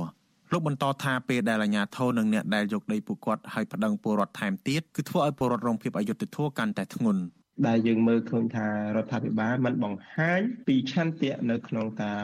បំរើដល់ផលប្រយោជន៍រាជជាធំទេជាជាងដែលព្យាយាមផ្ដល់នៅការសម្បទានទាំងផ្នែកច្បាប់ក្តីទាំងផ្នែកអំណាចក្តីនឹងដល់តែពួកឈ្មួញពួកក្រុមហ៊ុនពួកអ្នកវិនិយោគទុនប៉ុន្តែដែលយើងមើលឃើញថា ទោះជាមានការធ្លាប់ជួលរួមដោះស្រាយមានឆន្ទៈនៅក្នុងការដោះស្រាយក៏ដោយតែវាជាកម្រិតទាបបំផុតមកពីខាងភាគីរដ្ឋាភិបាលផ្ទុយទៅវិញគឺមានតែការលៀបពណ៌បន្ថែមទៅលើប្រជាពលរដ្ឋពេលដែលរងគ្រោះដោយសាររឿងដីធ្លីអីជាដើមនោះពលរដ្ឋអះអាងថាក្រុមហ៊ុនហេងហ៊ុយ Agriculture របស់លោកហេងហ៊ុយបានរំលោភយកដីស្រែចម្ការរបស់ពួកគាត់ទាំងអស់ចំនួនជាង1000ហិកតាតាំងពីឆ្នាំ2007ហើយពាក្យបណ្ដឹងរបស់ប្រជាពលរដ្ឋដែលបានដាក់ទៅក្រសួងរៀបចំដែនដីជាច្រើនលើកហើយនោះមិនត្រឹមតែក្រសួងមិនបានដោះស្រាយទេថែមទាំងបង្គាប់ដល់សមត្ថកិច្ចឲ្យតាមរោគមុខនិងចាត់វិធានការច្បាប់លើបុគ្គលណាដែលនាំពលរដ្ឋទាំង197គ្រួសារឡើងមកតវ៉ានៅរាជធានីភ្នំពេញទៀតផងក្រៅពីលោកស្រីដេតហួរនេះមានតំណាងពលរដ្ឋ8នាក់ទៀតក៏កំពុងជាប់បណ្ដឹងនៅតុលាការដែររួមមានលោកស្រីកើតនៅលោកស្រីអិនធូលោកស្រីអ៊ីបតឹងនិងលោកឆាន់ឈឿនជាដើម ពួកគាត់រងការចោទប្រកាន់ពីករណីគឺបទបរិហាគេនិងញុះញង់ឲ្យប្រព្រឹត្តអំពើបង្កមានភាពវឹកវរធ្ងន់ធ្ងរដល់សន្តិសុខសង្គមពលរដ្ឋនិងមន្ត្រីសង្គមស៊ីវិលយល់ថាការប្រើប្រាស់ប្រព័ន្ធតុលាការនេះគឺដើម្បីដាក់សម្ពាធឲ្យពួកគាត់បញ្ឈប់ការតវ៉ាទាមទារយកដីធ្លីដែលត្រូវបានអង្គការហេងហ៊ុយរំលោភយកទៅទាំងបំពេញនោះខ្ញុំថាថៃពីទីក្រុងមែលប៊ន បាទលោកនាងកញ្ញាជាទីមេត្រីលោកនាងកំពុងតាមដានស្ដាប់ការផ្សាយរបស់វិទ្យុអសីសេរីពីរដ្ឋធានីវ៉ាស៊ីនតោនសហរដ្ឋអាមេរិកបាទប្រទេសចិនកុម្មុយនីសបានសម្រេចបន្តធ្វើសពយុទ្ធយោធានៅច្រកសមុទ្រតៃវ៉ាន់ដោយគ្មានការកំណត់ដើម្បីឆ្លើយតបប្រឆាំងទៅនឹងដំណើរទស្សនកិច្ចរបស់ប្រធានរដ្ឋសភាអាមេរិកទៅកាន់កោះតៃវ៉ាន់កាលពីពេលថ្មីៗនេះបាទការបន្តធ្វើសមយុទ្ធយោធារបស់ចិននេះ កំពុងធ្វើឲ្យសភាពការនៅតំបន់ច្រកសមុទ្រនៃតៃវ៉ាន់កើនកម្ដៅខ្លាំងនិងធ្វើឲ្យប្រទេសនៅក្នុងតំបន់រួមទាំងកម្ពុជាផង មានការព្រួយបារម្ភយ៉ាងខ្លាំងបាទតើកម្ពុជា គួរប្រកាន់ជំហរបែបណាដើម្បីបញ្ជាពីហានិភ័យនៃការធ្លាក់ចូលក្នុងអន្ទាក់ចំនួនភូមិសាស្ត្រនយោបាយប្រសិនបើចិនសម្រេចលើកទ័ពឈ្លានពានដណ្ដើមយកអធិបតេយ្យរបស់កោះតៃវ៉ាន់មកគ្រប់គ្រងនាពេលខាងមុខនេះ បាទពីរដ្ឋធានីវ៉ាស៊ីនតោន លោកមានរិទ្ធមានសេចក្តីរាយការណ៍ពិស្ដារអំពីរឿងនេះភ្លាមភ្លាមក្រោយពីមានដំណើរទស្សនកិច្ចរបស់ប្រធានរដ្ឋសភាអាមេរិកទៅកាន់កោះតៃវ៉ាន់កាលពីដើមខែសីហានេះទាំងរដ្ឋាភិបាលកម្ពុជា និងទាំងគណៈបកកណ្ដាលអំណាចដែលជាមិត្តដៃថៃរបស់ចិន បានឈានមុខគេនៅក្នុងការចេញសេចក្តីថ្លែងការណ៍សម្ដែងក្តីបារម្ភនិងប្រកាសសារជាថ្មីគាំទ្រគោលនយោបាយចិនតែមួយដោយឥតងាករេ ក្រុមអ្នកជំនាញកិច្ចការអន្តរជាតិប្រមានថាប៉ះសិនបើប្រទេសចិនកុម្មុយនីឈានទៅបើកការវាយប្រហារណាមួយ ដើម្បីដណ្ដើមយកកោះតៃវ៉ាន់មិនខុសពីរុស្ស៊ីឈ្លានពានអ៊ុយក្រែននោះនោះការប្រកាន់យកគោលនយោបាយចិនតែមួយដែលឥនងាករេបែបនេះអាចនឹងធ្វើឲ្យកម្ពុជាប្រឈមនឹងបញ្ហាខ្លាំងជាមួយសហរដ្ឋអាមេរិកនិងសម្ព័ន្ធមិត្តរបស់ប្រទេសនេះ បើទោះបីជាពួកគេយល់ថាលទ្ធភាពដែលចិនអាចឈ្លានពានកោះតៃវ៉ាន់ដោយប្រើកម្លាំងយោធាទំនងជានឹងមិនអាចកើតមានឡើងនាពេលនេះក៏ដោយក៏នេះមិនមែនមានន័យថាសង្គ្រាមដណ្ដើមយកតៃវ៉ាន់ពីសំណាក់ប្រទេសចិននឹងមិនកើតមាននោះទេក្នុងសេណារីយ៉ូបែបនេះពួកគេថាជំហរគ្រប់គ្រងគោលនយោបាយចិនតែមួយផ្កាប់មុខងាយនឹងអូសទាញកម្ពុជាឲ្យធ្លាក់ចូលទៅក្នុងចំនួនភូមិសាស្ត្រនយោបាយរវាងមហាអំណាច អ្នកជំនាញវិជាសាស្ត្រនយោបាយនិងកិច្ចការអន្តរជាតិលោកអែមសវណ្ណារាពន្យល់ថាបើមានសង្គ្រាមនៅតៃវ៉ាន់មែននោះសង្គ្រាមនេះខុសពីសង្គ្រាមឈ្លានពានរបស់រុស្ស៊ីនៅអ៊ុយក្រែនភាពខុសគ្នានេះគឺនៅត្រង់ថាសហរដ្ឋអាមេរិកនឹងចូលមកពាក់ព័ន្ធនៅក្នុងសង្គ្រាមនេះដោយផ្ទាល់តាមរយៈការជួយរដ្ឋាភិបាលតៃវ៉ាន់ប្រឆាំងទៅនឹងការឈ្លានពានរបស់ប្រទេសចិនដីគោក លោកអែមសវណ្ណារាចង់ឃើញកម្ពុជាប្រកាន់នៅគោលជំហរបែបបត់បែនមួយនៅក្នុងសេណារីយ៉ូដែលមានសង្គ្រាមឈ្លានពានកោះតៃវ៉ាន់ពីសំណាក់ប្រទេសចិនកុម្មុយនីដោយមិនត្រូវថ្កោលទោសប្រទេសទាំងឡាយណាដែលប្រឆាំងនឹងចិននោះទេ ករណីនេះវាទាមទារឲ្យកម្ពុជានឹងគេហៅថាមាននយោបាយមួយខ្លាតវែងបន្តិចឬក៏ទុនបត់បែនបន្តិចមិនថាងាកមកលោកខាងលិចមកសហរដ្ឋអាមេរិកគ្រប់ពីទេមានតែជំរុញឬក៏វិធានការមួយមិនមិនបាច់គ្រប់គ្រងចិនផ្ដាច់មុខឬក៏គ្រប់ពេលលេបានថាត្រូវចេះដកឃ្លាឬក៏រកឱកាសនិយាយឬក៏ស្វែងរកសន្តិភាពជំរុញឈរខាងចិនទៅប៉ុន្តែកុំឲ្យមានការចាប់ថ្នាក់រហូតដល់ប្រទេសលោកខាងលិចដោយសហរដ្ឋអាមេរិកដាក់បន្ទុកមកកម្ពុជាជាឧបសគ្គបាទ លោកអែមសវណ្ណារាយល់ឃើញថាជំហរបត់បែនបែបនេះនឹងធ្វើឲ្យកម្ពុជាអាចរក្សាបាននៅទំនាក់ទំនងពាណិជ្ជកម្មទាំងជាមួយប្រទេសចិនកុម្មុយនីសនិងទាំងជាមួយសហរដ្ឋអាមេរិកព្រមទាំងសម្ព័ន្ធមិត្តរបស់សហរដ្ឋអាមេរិក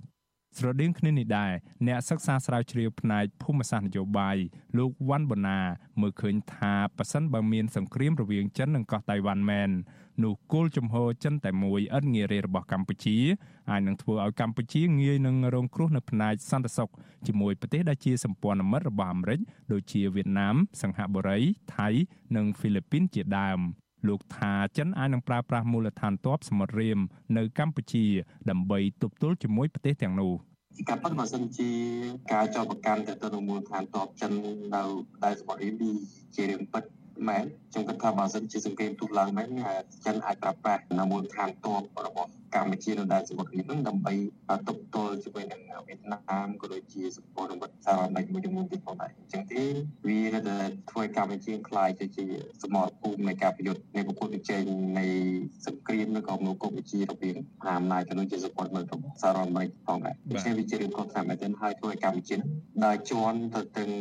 ប្រវត្តិសាស្ត្រដែលប្រវត្តិសាស្ត្រចាស់ដែលបានកើតឡើងកន្លងមកបាទ លោកវ៉ាន់បូណាយល់ថាក្នុងស្ថានភាពបែបនេះកម្ពុជាគួរព្យាយាមអំពាវនាវឲ្យភាគីពាក់ព័ន្ធដោះស្រាយបញ្ហានៅតៃវ៉ាន់នេះដោយប្រើយន្តការរបស់អង្គការសហប្រជាជាតិនិងយន្តការតំបន់ដែលមានស្រាប់យើងអាចថាកម្ពុជាគ្រប់គ្រងនគោលនយោបាយចិនតែមួយដោយសារគោលនយោបាយចិនតែមួយមែនទេត្រូវបានគ្រប់គ្រងដោយមហាអំណាចសូម្បីសហរដ្ឋអាមេរិកក៏ដូចជាសមាជិកអាស៊ានទាំងអស់ផងដែរក៏ប៉ុន្តែកម្ពុជាបង្ហាញពីគោលនយោបាយគ្រប់គ្រងគោលនយោបាយចិនតែមួយក៏ប៉ុន្តែកម្ពុជាព្យាយាមអំពាវនាវឲ្យភាគីទាំងសងខាងដោះស្រាយដោយសន្តិវិធីហើយអាចយកវេទិកាអាស៊ានជាអ្នកសម្របសម្រួលឲ្យមានកិច្ចចរចាផងដែរប៉ុន្តែគ្រប់គ្រងក្នុងគោលនយោបាយចិនតែមួយនេះមានមិនមែនមានន័យថាឲ្យកម្ពុជានឹងគ្រប់គ្រងការធ្វើសង្គ្រាមរបស់ចិនជាមួយនឹងសហរដ្ឋអាមេរិកគ្រប់គ្រងគោលនយោបាយចិនជាមួយក្នុងន័យនេះខ្ញុំចង់សម្ដៅទៅលើឲ្យកម្ពុជាគិតថាតៃវ៉ាន់និងចិនអាចជាប្រទេសទីមួយក៏ប៉ុន្តែតើតើនឹងជនការដោះស្រាយពីចំនួនរវាងតែចិននិងតៃវ៉ាន់គឺឲ្យភាគីទាំងអស់នេះចរចាគ្នាឬក៏ប្រើយុទ្ធការអង្គការសហប្រជាជាតិឬក៏យុទ្ធការស៊ីវិលសម្រាប់បញ្ជាការដោះស្រាយបាទ រដ្ឋាភិបាលកម្ពុជា បានចេញសេចក្តីថ្លែងការណ៍កាលពីថ្ងៃទី3ខែសីហាថាខ្លួនកំពុងតាមដានយ៉ាងយកចិត្តទុកដាក់ចំពោះសភាពការវិវត្តថ្មីៗនៅច្រកសមុទ្រតៃវ៉ាន់និងព្រួយបារម្ភយ៉ាងខ្លាំងចំពោះការកើនឡើងនៃភាពតានតឹងថ្មីៗនេះរដ្ឋាភិបាលកម្ពុជាប្រកាសថាខ្លួនប្រកាន់ខ្ជាប់ជានិច្ចនៅគោលនយោបាយចិនតែមួយដោយឥតងាករេហើយចាត់ទុកបញ្ហានានាពាក់ព័ន្ធនឹងហុងកុងតៃវ៉ាន់ ទីបេ និងស៊ីនជៀងជាកិច្ចការផ្ទៃក្នុងរបស់ចិន និងជាសិទ្ធិអធិបតេយ្យរបស់សាធារណរដ្ឋប្រជាមានិតចិនរដ្ឋាភិបាលកម្ពុជាអំពាវនាវឲ្យគ្រប់ភាគីពាក់ព័ន្ធទាំងអស់ស្វាស្វែងរកដំណោះស្រាយប្រកបដោយសន្តិវិធី រក្សាស្ថានភាពដើម និងជៀសវាងនឹងការបង្កហេតុដើម្បីបបផហេតុនៃសន្តិភាព ស្ថិរភាព និងវិបុលភាពនៅក្នុងតំបន់និងពិភពលោក ទន្ទឹមគ្នានេះគណៈបកកណ្ដាលអំណាចក៏បានចេញនៅសេចក្តីថ្លែងការណ៍ដាច់ដライក្នុងន័យគាំទ្រប្រទេសចិនកុម្មុយនីសស្រដៀងគ្នានេះដែរអ្នកនាំពាក្យគណៈបកប្រជាជនកម្ពុជា លោកសុកអេសានប្រាប់វិសុយស៊ីស្រីថាប៉ះសិនបើឈានទៅដល់មានសង្គ្រាមនៅកោះតៃវ៉ាន់មែននោះគណៈបករបស់លោកនៅតែប្រកាន់គោលជំហរនយោបាយចិនតែមួយនេះដដែលដែលចាត់ទុកបញ្ហានេះគឺជាកិច្ចការផ្ទៃក្នុងរបស់ប្រទេសចិន។ តាមពិតកម្ពុជាជាប្រទេសតូចមិនចង់ឲ្យមានសង្គ្រាមរវាងមហាអំណាចនិងមហាអំណាចទេពីព្រោះដោយពាក្យខ្មែរនិយាយយើងកណាតម្រៃចូលគ្នាវាល្អិតអីសឹកក៏សមោចសង្អាយណែអាហ្នឹងនៅយើងនៅនយោបាយរបស់យើងអត់ងាកទេទេនៅតែប្រកាន់ចំហចិនតែមួយដដែល សង្គ្រាមបើសិនណាជាមានរវាងចិននិងតៃវ៉ាន់អាហ្នឹងជារឿងកិច្ចការផ្ទៃក្នុងរបស់ចិន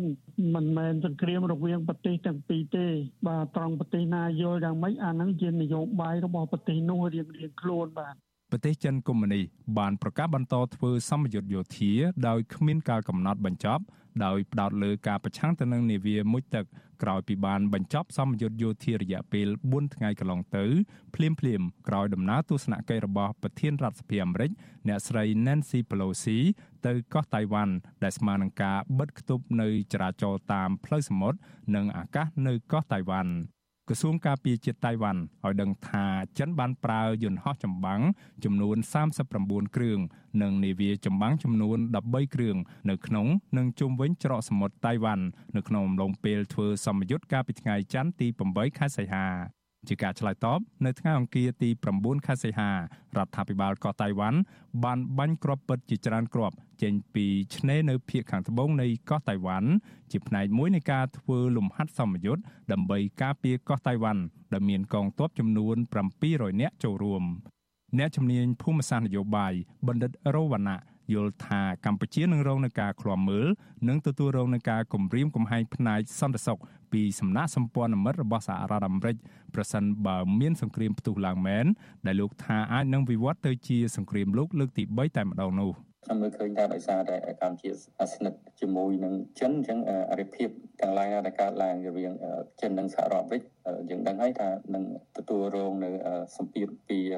សហរដ្ឋអាមេរិកនិងសម្ព័ន្ធមិត្តក្នុងរូបភាពទ្រង់ទ្រាយណាមួយក្នុងមានន័យថាបញ្ហាសន្តិសុខរបស់កម្ពុជានឹងទទួលរងនៅការខ្លាំមើលនិងទួលរងនៃការគម្រាមកំហែងពីសម្ព័ន្ធមិត្តរបស់សហរដ្ឋអាមេរិកដែរជាពិសេសគឺដៃគូយុទ្ធសាស្ត្ររបស់អាមេរិកគឺវៀតណាមយើងដឹងថាវៀតណាមគឺច្បាស់ជាមានជំហរងាករេទៅរកសហរដ្ឋអាមេរិកជាងចិននៅក្នុងក្របខ័ណ្ឌសន្តិសុខ ពាក់ព័ន្ធទៅនឹងការវាតម្លៃថាតើមានលទ្ធភាពប៉ុណ្ណា ដែលប្រទេសចិនកុម្មុយនីសអាចនឹងបើកការវាប្រហារឈ្លានពានយកកោះតៃវ៉ាន់នៅក្នុងស្ថានភាពបច្ចុប្បន្ននេះអ្នកជំនាញកិច្ចការអន្តរជាតិមួយរូបទៀតគឺបណ្ឌិតអៀសុផលពន្យល់ថាយើងធ្លាប់បានគិតថា ពីដំបូងឡើយប្រទេសរុស្ស៊ីនឹងមិនបើកការវាយប្រហារក្រោយការធ្វើសម្ពយុទ្ធយោធាស្រដៀងគ្នានេះទេក៏ប៉ុន្តែក្រោយមក ប្រទេសនេះបានបើកការវាយប្រហារទៅលើប្រទេសអ៊ុយក្រែនយ៉ាងជាក់ច្បាស់តែម្ដងបណ្ឌិតអៀសផលពន្យល់បន្តថាបញ្ហានៅត្រង់ថាប្រទេសចិនបានបញ្ចេញប្រតិកម្មជ្រុលប្រឆាំងទៅនឹងដំណើរទស្សនកិច្ចរបស់ប្រធានរដ្ឋសភាអាមេរិកទៅកោះតៃវ៉ាន់លោកបន្តថាប្រទេសចិនមិនគួរបង្កហេតុឲ្យមានការធ្វើសម្ពយុទ្ធយោធាទ្រង់ទ្រាយធំមិនធ្លាប់មានពីមុនមកយ៉ាងដូចនេះនោះទេ ដែលវាគួរតែកើតឡើង តែនៅពេលដែលកោះតៃវ៉ាន់ប្រកាសឯករាជ្យតែប៉ុណ្ណោះ ក៏ប៉ុន្តែលោកថាកោះតៃវ៉ាន់មិនបានប្រកាសឯករាជ្យនៅឡើយទេហើយវានឹងមិនទាន់កើតមានឡើងនោះទេខ្ញុំបាទមេរិត Visual C ស្រីរាយការណ៍ពីរដ្ឋធានី Washington បាទលោកនាងកញ្ញាជាទីមេត្រីឥឡូវនេះយើងក៏លេចទៅមើលការវិនិយោគនិងស្ថានភាពនៅតំបន់សួនសត្វភ្នំតាម៉ៅវិញម្ដង បាទគណៈដាប្រជាពលរដ្ឋនិងអង្គការមួយចំនួនបានស្ម័គ្រចិត្តទៅដាំដើមឈើឡើងវិញនៅតំបន់ភ្នំតាម៉ៅបន្ទាប់ពីក្រុមហ៊ុនលេនវត្រា បានឈូសឆាយដីព្រៃអស់រាប់សិបហិកតាប្រជាពលរដ្ឋបានលើកឡើងថារដ្ឋមន្ត្រីក្រសួងកសិកម្មគួរលាលែងចេញពីតំណែងដោយខ្លួនឯងព្រោះគាត់បានធ្វើឲ្យមានវិធានសកម្មប្រៃឈើនៅតំបន់ភ្នំតាម៉ៅ បាទមន្ត្រីអង្គការសង្គមស៊ីវិលលើកឡើងថារដ្ឋាភិបាលគួរតែពិចារណាវិយតម្លៃប្រសិទ្ធភាពការងាររបស់មន្ត្រីក្រសួងកសិកម្មនិងបាទការសិទ្ធវិតម្លៃប្រសិទ្ធភាពការងាររបស់រដ្ឋមន្ត្រីក្រសួងកសិកម្មហើយបើសិនជារកឃើញថារដ្ឋមន្ត្រីរូបនេះពិតជាបានប្រព្រឹត្តកំហុសតាក់ទងនឹងបញ្ហាស្នើសុំដោះដូរដីព្រៃតំបន់ភ្នំតាម៉ៅពិតប្រាកដមែនរដ្ឋាភិបាលត្រូវតែដូររដ្ឋមន្ត្រីក្រសួងកសិកម្មចេញបាទពីរដ្ឋធានី Washington អ្នកស្រីម៉ៅសុធីនីមានសេចក្តីរាយការណ៍មួយទៀតជុំវិញព័ត៌មាននេះការដោះដូរដីដែលនាំទៅរកការឈូសបំផ្លាញព្រៃឈើរាប់រយហិកតានៅតំបន់ភ្នំតាម៉ៅនោះ គឺជាកំហុសឆ្គងដ៏ធំមួយរបស់រដ្ឋាភិបាល ជាពិសេសគឺក្រសួងកសិកម្មអ្នកជំនាញខាងកសិកម្មលោកនីណាក់ថ្លែងថារដ្ឋមន្ត្រីក្រសួងកសិកម្មលោកបេងសុខុនគួរមានភាពខ្មាស់អៀនហើយលីលែងចេញពីតំណែងដល់ខ្លួនឯងចំពោះកំហុសឆ្គងរបស់ខ្លួនដែលបណ្ដាលឲ្យមានវិនាសកម្មប្រៃឈើនៅឯតំបន់ភ្នំតាម៉ៅកាលពីពេលថ្មីថ្មីនេះ មិនតែប៉ុណ្ណោះលោកនីណាក់បន្ថែមថាការបំពេញតួនាទីក្នុងនាមជារដ្ឋមន្ត្រីក្រសួងកសិកម្មរបស់លោកវេងសខុនកន្លងមកក៏មិនបានធ្វើឲ្យវិស័យកសិកម្មរីកចម្រើនឡើយពីព្រោះប្រជាកសិករភាគច្រើនមិនអាចលក់កសិផលរបស់ខ្លួនដើម្បីផ្គត់ផ្គង់ជីវភាពគ្រួសារបានឡើយលោកថាប្រជាប្រដ្ឋរាប់លានអ្នកបានធ្វើចំណាក់ស្រុក ទៅធ្វើការនៅប្រទេសជិតខាងដើម្បីរកចំណូលផ្គត់ផ្គង់ជីវភាពក្នុងគ្រួសារនិងដោះបំណុលធនាគារដែលពួកគាត់បានខាត់បង់ពីការធ្វើកសិកម្ម រយៈពេល2អាណត្តិមកនេះក្នុងវិស័យកសិកម្មហ្នឹងគឺបញ្ហាកើតឡើងមិនចំពោះតែរឿងព្រៃភ្នំតាម៉ៅហ្នឹងទេយើងឃើញករណីការទន្ទ្រានព្រៃលិចទឹកនៅតំបន់បឹងទលេសាបហ្នឹងក៏ជារឿងធំដែរប៉ុន្តែរដ្ឋមន្ត្រីកសិកម្មពុំមានការខ្មាស់អៀនអ្វីឡើយគាត់ចាត់ទុកថារឿងហ្នឹងជារឿងធម្មតាអញ្ចឹងខ្ញុំបាទសូមសំណូមពរបើគាត់ធ្វើការមិនកើតគាត់គួរណាស់តែលាលែងឬក៏ផ្លាស់ប្ដូរតំណែងពីអ្នកណាម្នាក់ទៀតដែលមានសមត្ថភាពហ្នឹងឲ្យមកជួយការងារហ្នឹងជំនួសគាត់ ដោយគ្នានេះដែរយុវតីមួយរូបកញ្ញាហុកកំលៀងក៏បានប្រាប់បច្ចុប្បន្នស៊ីស្រីថាកញ្ញាសោកស្ដាយនៅពេលដែលឃើញប្រៃឈើធំធំ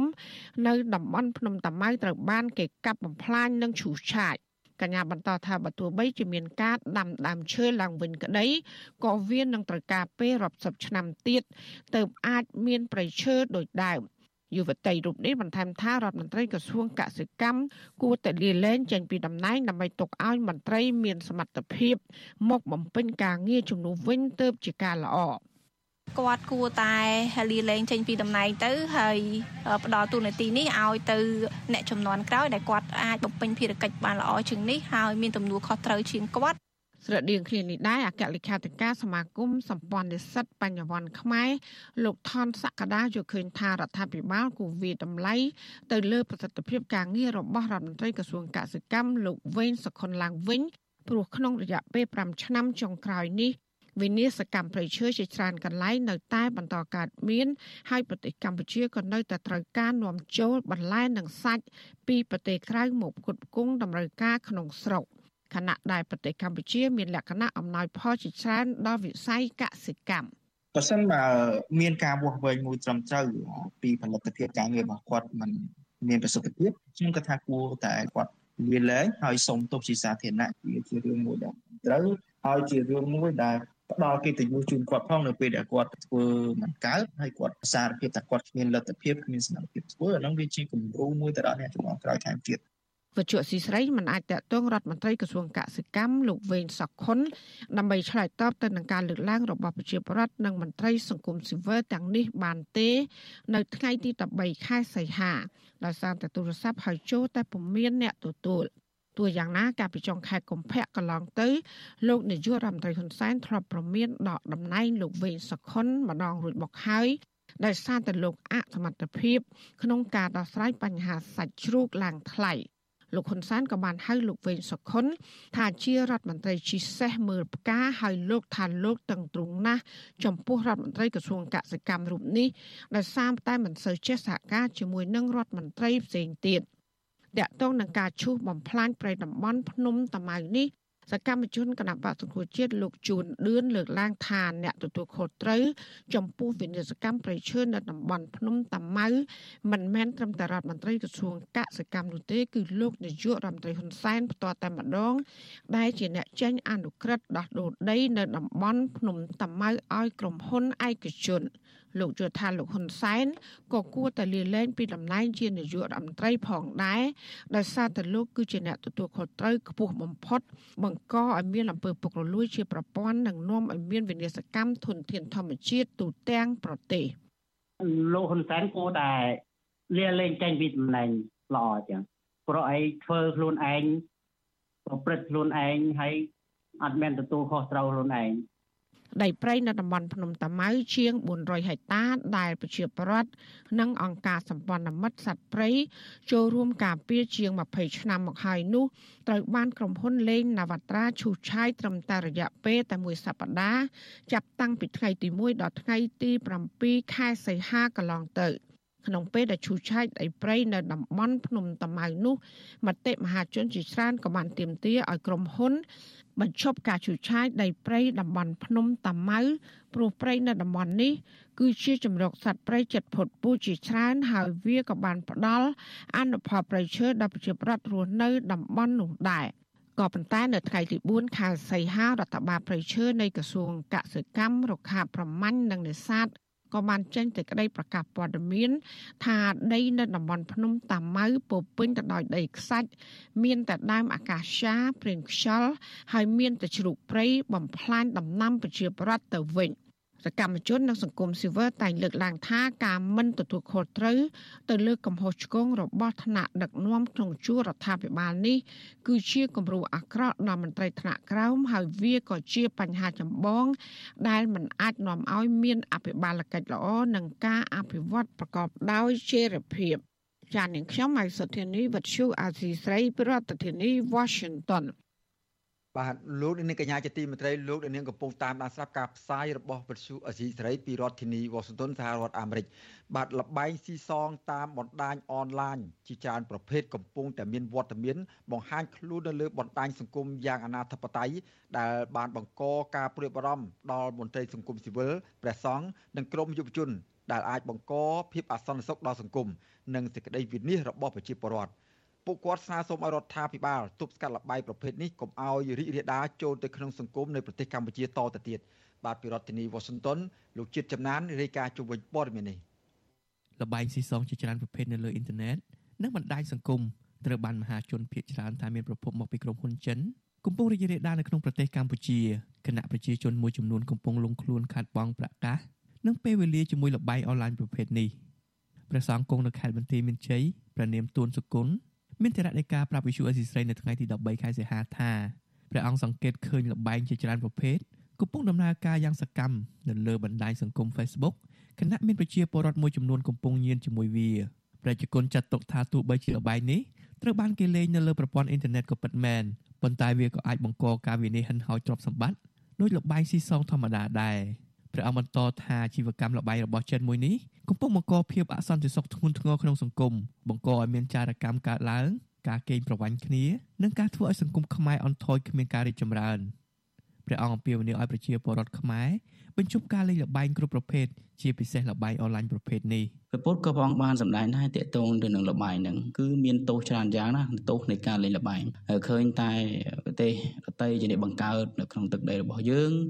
ហើយប្រមូលនៅធនធានទ្រព្យសម្បត្តិរបស់យើងទាំងអស់នេះហើយជញ្ជូនទៅប្រទេសរបស់គេវិញដូច្នេះហើយគេមកក្រេបជញ្ជក់ញើសឈាមរបស់ប្រជាពលរដ្ឋយើងហើយគេបំសល់នៅបំណុលដ៏ច្រើនសម្រាប់ប្រជាពលរដ្ឋយើងនេះគឺជាលបែងស្រដៀងគ្នានេះដែរយុវជនម្នាក់រស់នៅខេត្តសៀមរាបលោកឆៃតាំងឆែម មើលឃើញថាលបែងប្រភេទនេះត្រូវបានគ្រប់គ្រងដោយជនជាតិចិន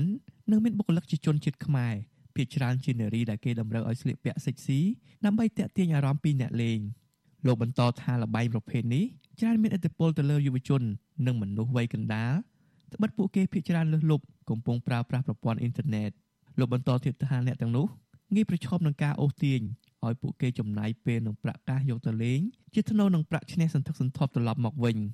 លោកបារម្ភថាប្រសិនបើលបែងមួយនេះជ្រៀតចូលកាន់តែជ្រៅនៅក្នុងផ្នត់គំនិតរបស់យុវជននោះសង្គមកម្ពុជានឹងធ្លាក់ចុះកាន់តែខ្លាំងបន្ថែមទៀតក្នុងភាពអសន្តិសុខចោរកម្មការជួញដូរមនុស្សនិងអំពើបេសកចារផងដែរ ការសំណូមពររបស់ខ្ញុំនឹងសូមឲ្យគាត់ត្រួតពិនិត្យទៅលើគេហៅថាលបែងតាមអនឡាញស្អីស្អីនឹងឡើងវិញព្រោះអីបើសិនជាគាត់មិនត្រួតពិនិត្យហើយមកគាត់មិនមានវិធានការអីទប់ស្កាត់ទេវានឹងធ្វើឲ្យយុវជនជាពិសេសប្រទេសជាតិយើងដូចលងទៅលងទៅវាពិបាកនឹងដកខ្លួនបងព្រោះអីមិនថាអ្នកណាទេមនុស្សដែលលងនឹងលបែងហើយវាពិបាកនឹងដកខ្លួនណាបងលបែងអនឡាញខុសច្បាប់ទាំងនេះត្រូវបានគេប្រទះឃើញភាគច្រើនចរាចរណ៍នៅតំបន់បណ្ដុំដោយមនុស្សចម្រុះជាតិសាសន៍ជាពិសេសជនជាតិចិននៅក្នុងរាជធានីភ្នំពេញ ក្រុងបាវិតខេត្តសៀមរាបនិងក្រុងប្រសេអនុតាក់ទងនឹងបញ្ហានេះវិសុអេស៊ីសរ៉ៃនៅពុំទាន់អាចតាក់ទងប្រធាននាយកដ្ឋានប្រឆាំងបទល្មើសបច្ចេកវិទ្យាលោកជាពៅនិងអ្នកនាំពាក្យអគ្គស្នងការដ្ឋាននគរបាលជាតិលោកឆៃកំខឿនដើម្បីសុំការបកស្រាយជុំវិញករណីនេះបាននៅឡើយទេ នៅថ្ងៃទី13ខែសីហាកាលពីខែធ្នូឆ្នាំ2019រដ្ឋាភិបាល បានបិទអាជីវកម្មលបែងតាមអនឡាញម្ដងរួចមកហើយគឺបន្ទាប់ពីសង្កេតឃើញមានសកម្មភាពលបែងភ្នាល់តាមម៉ាស៊ីនអេឡិចត្រូនិកអ៊ីនធឺណិតដែលស្ថិតនៅក្នុងនិងក្រៅប្រទេសមួយចំនួនមិនគោរពតាមគោលការណ៍របស់រាជរដ្ឋាភិបាលនិងមួយចំនួនទៀតបានលួចលាក់ធ្វើសកម្មភាពតាមទីតាំងផ្សេងផ្សេងគ្នាហើយពួកអក្រិតជនជនជាតិចិនមួយចំនួនបានច្រកក្រោមរូបភាពលបែងប្រភេទនេះដើម្បីធ្វើសកម្មភាពបោកប្រាស់ចម្រិតទាបប្រាក់ពីជនរងគ្រោះទាំងក្នុងនិងក្រៅប្រទេស ដែលធ្វើឲ្យប៉ះពាល់ដល់សន្តិសុខសន្តិភាពធ្នាប់សាធារណៈនៅក្នុងសង្គមជុំវិញរឿងនេះប្រធានសមាគមប្រជាធិបតេយ្យឯករាជ្យនៃសេដ្ឋកិច្ចក្រៅប្រព័ន្ធលោកវ៉ាន់ពៅព្រួយបារម្ភចំពោះសកម្មភាពលបែងស៊ីសងដែលកំពុងធ្វើប្រតិបត្តិការយ៉ាងសកម្មក្នុងប្រទេសកម្ពុជាលោកមើលឃើញថាលបែងនេះជាអត្តពលទៅលើអ្នកដែលប្រកបរបរសេដ្ឋកិច្ចក្រៅប្រព័ន្ធខណៈអ្នកទាំងនោះងាយរងគ្រោះទៅតាមការបញ្ចុះបញ្ចូលរបស់ជនខិលខូចលោកបន្តថាលបែងស៊ីសងគ្រប់ប្រភេទនឹងបង្កហានិភ័យដល់សង្គមធ្ងន់ធ្ងរ ក្រោមរូបភាពអំពើចារកម្មអសន្តិសុខនិងការធ្លាក់ចុះនៃសេដ្ឋកិច្ចផងដែរ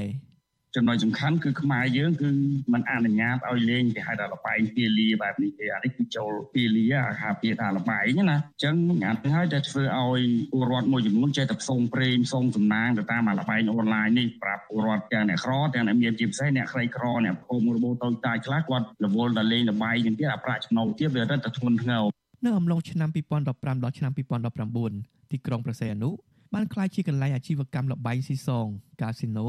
និងលបែងអនឡាញរីករាលដាលដោយផ្សិតនៅខែមករាឆ្នាំ2022នាយកតកទូរគមនាគមន៍កម្ពុជា បានបិទគេហទំព័រឬ website ចំនួន123ដែលកំពុងប្រតិបត្តិការលបែងស៊ីសង និងឆ្នោតខុសច្បាប់នៅកម្ពុជា បន្ថែមពីគេហទំព័រចំនួន79ទៀតដែលបានបិទការពីខែវិច្ឆិកាឆ្នាំ2021ទោះបីជាមានការបង្ក្រាបនិងបិទលបែងស៊ីសងអនឡាញបែបនេះក្តី ក៏គេនៅតែមានឃើញការផ្សព្វផ្សាយអូសទាញប្រជាជនខ្មែរជាពិសេសយុវជននៅលើបណ្ដាញសង្គមឲ្យលងខ្លួនចូលក្នុងលបែងខុសច្បាប់មួយនេះតាមការចុះផ្សាយរបស់សារព័ត៌មានអាហ្សាស៊ីរ៉ាដែលបានធ្វើការស៊ើបអង្កេតទៅលើរឿងនេះចេញផ្សាយកាលពីថ្ងៃទី14ខែកក្កដាក្រុមចំណងជើងថា Force to Scam Cambodia Cyber Slaves ឬទាសករតាមអ៊ីនធឺណិតនៅកម្ពុជាបង្ហាញថាក្រុងប្រសេអនុមិនត្រឹមតែជាកន្លែងល្បីថាមានលបែងអនឡាញយ៉ាងសកម្មប៉ុណ្ណោះទេតែវាបានក្លាយជាកន្លែងឃុំឃាំងមនុស្ស សម្រាប់ធ្វើទាសករប្រតិបត្តិការបោកប្រាស់តាមអ៊ីនធឺណិតផងដែរអ្នកដែលជាប់ឃុំឃាំងភាគច្រើនជាបុរសនិងស្ត្រីវ័យក្មេងដែលត្រូវបានក្រុមហ៊ុនចិនធ្វើទរណកម្មទៅលើពួកគេនិងបង្ខំឲ្យធ្វើជាទាសករបោកប្រាស់តាមប្រព័ន្ធអ៊ីនធឺណិតសារព័ត៌មានអន្តរជាតិមួយនេះក៏បង្ហាញថាក្រុមហ៊ុនចិនបោកប្រាស់ទាំងនោះក៏មានបណ្ដាញពាក់ព័ន្ធជាមួយមន្ត្រីធំៗក្នុងជួររដ្ឋាភិបាលកម្ពុជាជាពិសេសអ្នកដែលស្និទ្ធជាមួយនឹងលោកហ៊ុនសែនខ្ញុំបាទជាចំណាន Visual Assisray ពីរដ្ឋធានី Washington បាទលោកនាងកញ្ញាជាទីមេត្រីលោកនាងកំពុងតាមដានស្ដាប់ការផ្សាយរបស់វិទ្យុអស៊ីសេរីពីរដ្ឋធានីវ៉ាស៊ីនតោនសហរដ្ឋអាមេរិក បាទការផ្សាយរយៈពេល1ម៉ោងរបស់វិទ្យុអស៊ីសេរីសម្រាប់ព្រឹត្តិការណ៍ថ្ងៃសៅរ៍នេះបានឈានដល់ទីបញ្ចប់ហើយខ្ញុំបាទសូមថ្លែងអំណរគុណយ៉ាងជ្រាលជ្រៅចំពោះអស់លោកនាងដែលបានតាមដានស្ដាប់ការផ្សាយរបស់យើងខ្ញុំតាំងពីដើមរហូតដល់ចប់ហើយសូមគោរពជូនពរដល់អស់លោកនាងឲ្យជួបប្រកបតែនឹងសេចក្តីសុខចម្រើនរុងរឿងកំបីគ្លៀងគ្លៀកឡើយខ្ញុំបាទសេកបណ្ឌិតព្រមទាំងក្រុមការងាររបស់វិទ្យុអស៊ីសេរីសូមអរគុណនិងសូមជម្រាបលា បាទរាត្រីសួស្តី